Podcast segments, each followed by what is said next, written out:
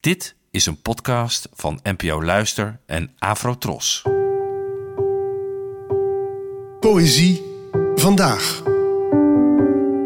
Met Ellen Dekwits.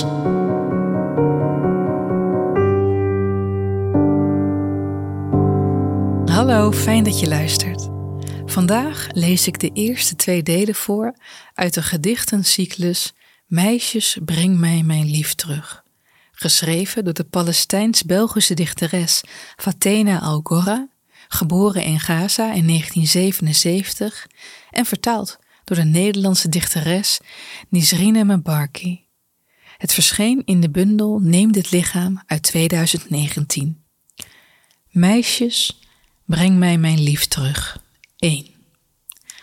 Meisjes uit de wijk, breng mij mijn lief terug. Meisjes uit de wijk, jullie achtervolgen hem naar cafés, naar balkons en buurten. Klop jullie stof van hem af. Sleep hem aan zijn hart terug naar mij. Breng mij mijn lief terug. 2.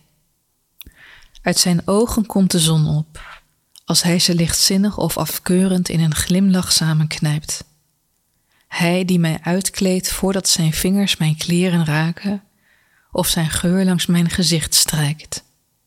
Hij wiens hart een geurende vijg is. Mijn lichaam druipt ervan. En ik hou van vijge meisjes. Breng mij mijn lief terug. Sommige gedichten of delen van gedichten kan je op meerdere niveaus lezen, zoals in het geval van dit gedicht van Fatena Algora.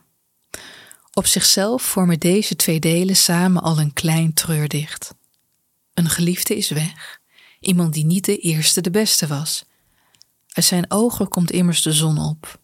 Ook al, zo valt het te lezen, gebeurt dat slechts als hij ze flirtend of afwijzend toeknijpt. Het is een geliefde die je al uitkleedt nog voor zijn handen je knoopjes beroeren, met een hart als een geurende vijg. De ik-figuur doet een beroep op meisjes. Het blijft in het midden of dat vriendinnen, zussen of misschien zelfs rivales zijn en vraagt om de geliefde bij haar terug te brengen. En er schemert achter deze regels nog een andere tekst, die de luisteraars die een beetje bijbelvast zijn opgevoed misschien al herkenden, namelijk het Hooglied. Daarin spreken een bruid en bruidegom elkaar toe, maar is er ook een koor van meisjes die de geliefden lof toezwaaien. En er zijn ook vijgen, en het lichaam van de bruid druipt, net zoals in het gedicht van Algora.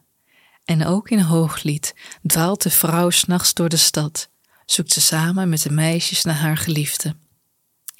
In de literatuurwetenschap hebben we de term intertextualiteit. En dat is gewoon het idee dat in literaire teksten andere teksten doorgalmen, waardoor de ene tekst de andere een beetje kan verrijken. Wat niet wil zeggen dat dat bij elk gedicht het geval is, maak je geen zorgen. Of dat je per se alles mist als een intertextualiteitje een keertje niet opvalt. Maar het is meer zo als wanneer je in een film of serie een grappige of mooie verwijzing naar een andere film of serie of misschien zelfs roman ziet. Zo worden verschillende kunstwerken aan elkaar geklonken en kan er iets ontstaan dat meer dan de som der delen is. En dat tegelijkertijd, dat is het leuke, ook niets afdoet aan de stukken waaruit zij zijn opgebouwd. Zodat iets op zichzelf kan bestaan, maar ook in verbinding met iets anders, waardoor je nog meer kan zien dan er al was. Bedankt voor het luisteren en tot de volgende keer. Afro Tros, de omroep voor ons.